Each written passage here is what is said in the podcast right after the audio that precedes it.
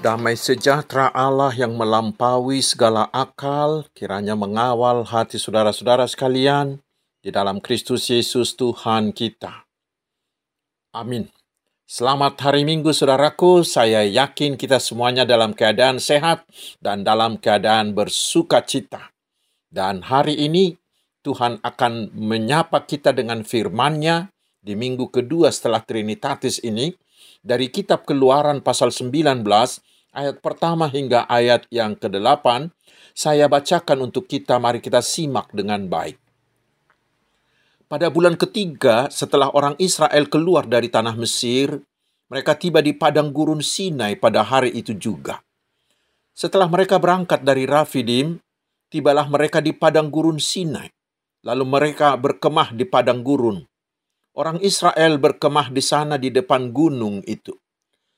Lalu naiklah Musa menghadap Allah, dan Tuhan berseru dari gunung itu kepadanya, Beginilah kau katakan kepada keturunan Yakub, dan kau beritakan kepada orang Israel. Kamu sendiri telah melihat apa yang kulakukan kepada orang Mesir, dan bagaimana aku telah mendukung kamu di atas sayap Raja Wali dan membawa kamu kepadaku. Jadi sekarang, jika kamu sungguh-sungguh mendengarkan firmanku dan berpegang pada perjanjianku, maka kamu akan menjadi harta kesayanganku sendiri dari antara segala bangsa sebab akulah yang empunya seluruh bumi. Kamu akan menjadi bagiku kerajaan imam dan bangsa yang kudus. Inilah semuanya firman yang harus kau katakan kepada orang Israel. Lalu datanglah Musa dan memanggil para tua-tua bangsa itu dan membawa ke depan mereka segala firman yang diperintahkan Tuhan kepadanya. Seluruh bangsa itu ber menjawab bersama-sama segala yang difirmankan Tuhan akan kami lakukan. Lalu Musa pun menyampaikan jawab bangsa itu kepada Tuhan. Demikian firman Tuhan. Saudara-saudaraku yang terkasih di dalam Tuhan Yesus Kristus, setelah Israel keluar dari perbudakan Mesir, mereka tiba di Sinai. Ketika itulah Tuhan mengikat perjanjian dengan mereka. Seperti seorang pengantin laki-laki yang mengikat janji untuk menikah dengan pasangannya, seperti itulah Allah mengikat janji dengan Israel. Allah yang mengambil inisiatif, bukan Israel. Dan seperti sering kita lihat, bila seorang laki-laki sudah jatuh cinta dengan seorang perempuan, maka dia akan menunjukkan cinta kasihnya melalui perbuatan-perbuatan yang membuat si perempuan mau menerima cintanya, misalnya dengan membawa hadiah, dengan kata-kata yang manis, dengan mengayomi, dan lain-lain. Seperti itulah Allah menunjukkan cintanya terhadap Israel, yaitu dengan perbuatan-perbuatan nyata yang sangat luar biasa, seperti bisa kita baca di ayat 4, yaitu membebaskan Israel dengan tanah yang dengan tangan yang penuh kuasa dan penuh mujizat dari perbudakan Mesir. Lalu Tuhan melamar Israel. Melalui Musa di ayat 5 hingga ayat 6, sepertinya Allah berkata begini. Musa, katakanlah kepada bangsa Israel, jika mereka mau, mereka akan kujadikan menjadi kekasih hatiku, menjadi milik kesayanganku, karena akulah pemilik segala sesuatu. Dan setelah Musa memberitahukan lamaran itu kepada Israel, di ayat 8, semua Israel menerimanya dengan berkata, kami akan lakukan. Mereka bersedia. Saudara-saudaraku, perjanjian Sinai inilah yang mengangkat Israel menjadi umat bangsa kesayangan Tuhan. Dan sekarang, kitalah umat Allah itu yaitu kita orang-orang yang percaya kepada Yesus Kristus. Mengapa kita ikut?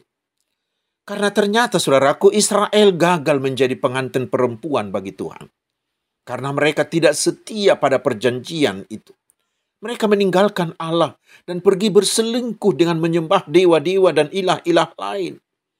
Karena itulah Tuhan membuat perjanjian baru, yaitu di dalam Tuhan Yesus Kristus. Siapa yang mau percaya, yang menerima Tuhan Yesus menjadi Tuhan dan Juru Selamatnya, Tuhan mengangkatnya menjadi umat, bahkan menjadi anak-anak Tuhan, pewaris kerajaan Allah. Darah Kristus Yesuslah menjadi meterai yang mensahkan perjanjian baru itu. Sehingga semua orang yang sudah dibaptis dan percaya kepada nama Tuhan Yesus, mereka sudah disahkan menjadi pengantin perempuan bagi Allah. Dan Tuhan Yesuslah menjadi pengantin laki-lakinya. Saudara-saudaraku, itulah sebenarnya sukacita kita sebagai orang Kristen yang percaya. Terutama kita orang Batak Kristen. Karena Tuhan berkenan menjadikan kita pengantin perempuannya. Karena siapakah kita? Siapakah nenek moyang kita orang Batak dahulu? Dahulu kita bukan siapa-siapa. Tidak ada yang bisa dibanggakan dari kita. Tetapi ketika nenek moyang kita dan ketika kita sendiri mau menerima Tuhan Yesus, maka Tuhan mengubah kita dengan mengangkat kita menjadi umat kesayangannya sehingga kita bisa mengecap kemajuan yang tidak terkatakan. Kita juga mengecap kesejahteraan. Karena itu jangan ada orang Batak Kristen yang melupakan itu, yang menjadi malin kundang, tetapi tetaplah mensyukurinya. Saudaraku, melalui perikop ini kepada kita ditunjukkan berkat yang tidak terhingga yang kita peroleh setelah Tuhan membuat perjanjiannya yang mengangkat Israel dan mengangkat kita menjadi umatnya. Apakah itu? Mari kita coba simak.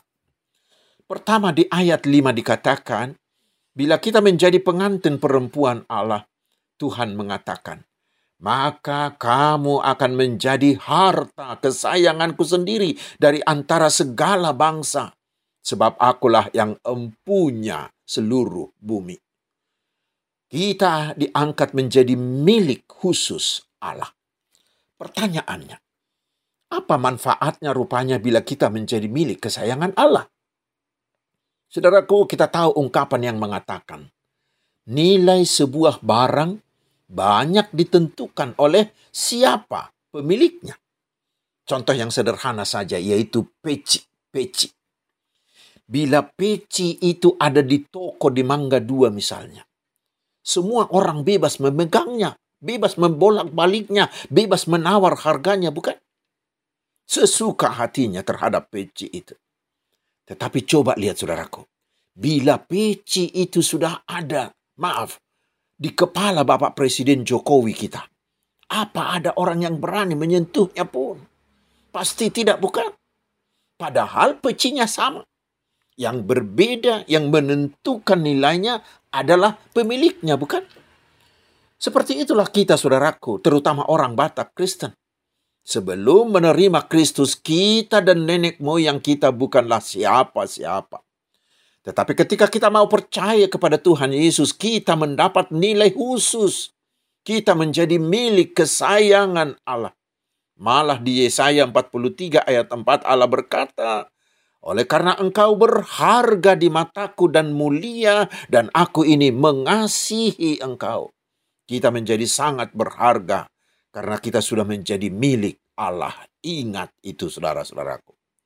Dan karena itu, didorong oleh kasih Allah yang sangat besar terhadap umat pilihannya itu, Allah mau memberikan anaknya, Tuhan Yesus Kristus yang mau mati, tetapi kemudian bangkit untuk menyediakan keselamatan dan hidup kekal bagi kita.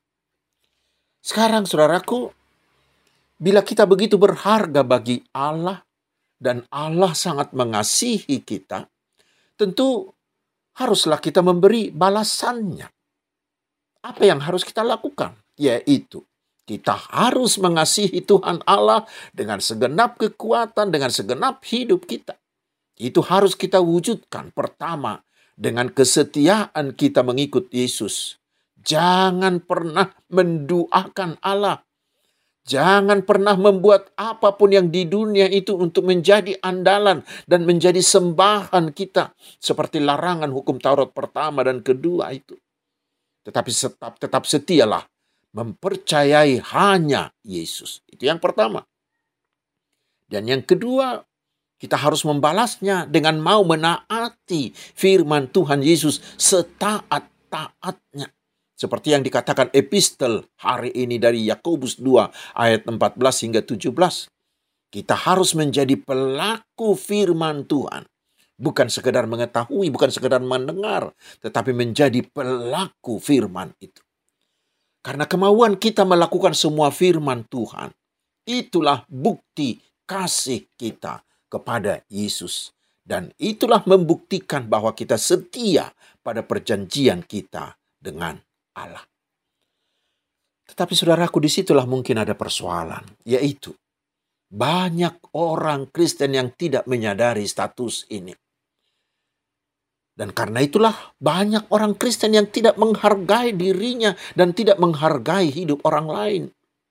Karena banyak orang Kristen yang membuat dirinya sendiri menjadi tidak berharga yaitu dengan perilaku yang tidak terpuji, dengan tutur kata yang tidak beradat, dengan tindakan yang mencemarkan nama baiknya dan nama baik keluarganya. Banyak juga yang tidak menghargai hidup orang lain dengan tindakan memukuli anak, memukuli istri, menghina orang tua, membunuh, menyiksa, merendahkan harkat orang lain. Ingatlah saudaraku, bila kita benar-benar sudah percaya kepada Tuhan Yesus, kita adalah milik Allah yang sangat berharga.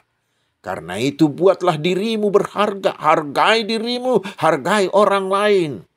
Itulah bukti kita menerima pinangan Allah menjadi miliknya yang paling berharga itu. Dan yang kedua berkat yang kita terima, kita diangkat Allah menjadi kerajaan imam. Ayat 6. Yang di 1 Petrus 2 ayat 9 dikatakan, kita diangkat menjadi imamat rajani. Artinya, setelah kita menerima Tuhan Yesus, kita sudah bisa berhubungan langsung, bisa berkomunikasi, bisa berdoa, bisa menyampaikan persembahan kita langsung kepada Allah tanpa perantara. Karena semua orang percaya diangkat menjadi imam. Karena itulah seorang suami wajib menjadi imam bagi istrinya. Ayah menjadi imam bagi anak-anaknya. Abang menjadi imam bagi adik-adiknya. Yang lebih tua menjadi imam bagi yang lebih muda. Sekarang persoalannya adalah, masihkah kita melakukan tugas imamat itu? Apakah kita masih melakukan tugas itu? Ingat saudaraku, status menjadi imam itu adalah status yang sangat tinggi yang Tuhan anugerahkan kepada kita orang percaya. Karena itu harga itu, lakukanlah itu dengan baik. Itu yang kedua. Lalu berkat yang ketiga, setelah kita diangkat Allah menjadi umatnya melalui iman kita kepada Yesus, maka kita diangkat menjadi bangsa yang kudus. Artinya, kita dijadikan menjadi bangsa yang khusus, tidak sama lagi dengan orang lain. Kita sudah dikuduskan oleh Roh Kudus dan dikhususkan bagi Allah yang kudus. Sehingga standar kehidupan kita tidak lagi sama dengan yang lain. Standar hidup kita tidak sama lagi dengan dunia ini.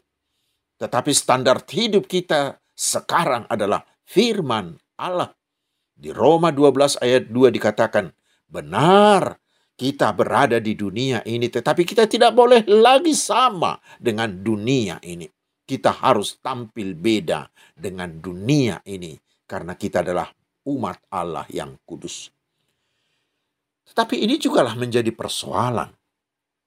Karena sangat sering kita sudah sangat sulit membedakan orang Kristen dari orang yang bukan Kristen di tengah masyarakat karena perbedaannya sudah sangat samar-samar. Dan inilah bahaya yang terus mengancam kehidupan orang Kristen di dunia itu, yaitu di dunia ini, yaitu apa yang disebut sebagai sikap konformismus, di mana orang Kristen itu confirm, terlarut, ikut-ikutan tanpa daya kritis dengan dunia dan bahkan menjadi sama dengan dunia apa yang dilakukan dunia karena lagi viral, lagi ngetren. Itu diikuti oleh orang Kristen tanpa daya kritis. Ingat saudaraku, kita adalah bangsa Allah yang kudus. Tuhan Yesus di Yohanes 15 mengatakan, kita memang berada di dalam dunia ini, tetapi kita yang percaya kepada Yesus bukanlah dari dunia ini. Karena itulah orang Kristen harus berani tampil beda, harus berani menjadi manusia aneh, karena harus jauh lebih baik dari yang lain. Saudara-saudaraku yang dikasihi Tuhan Yesus Kristus, itulah hak-hak istimewa yang Tuhan berikan kepada kita. Bila kita mau dipinang Allah menjadi umatnya. Tidak ada keistimewaan seperti itu yang diberikan Allah agama lain kepada umatnya. Itu yang luar biasa. Yang kita terima sejak kita, bila kita mau menerima Tuhan Yesus menerima pinangan Allah menjadi pengantinnya. Karena itu kita harus mensyukurinya. Kita harus menghargainya. Dan kita harus menjaganya dengan baik. Tetapi saudara-saudaraku itulah yang kita terima yang yang dari Allah. Tetapi dari kita harus ada kewajiban. Apakah itu? Yaitu harus taat. Di ayat 5 Tuhan mengatakan, bahwa semua hak istimewa itu akan kita terima hanya jika kamu sungguh-sungguh mendengarkan firmanku dan berpegang pada perjanjianku. Sebagai umat perjanjian Allah, kita tidak boleh hanya sekedar mengaku Tuhan Yesus sebagai Tuhan dan Juru Selamat kita. Tidak boleh.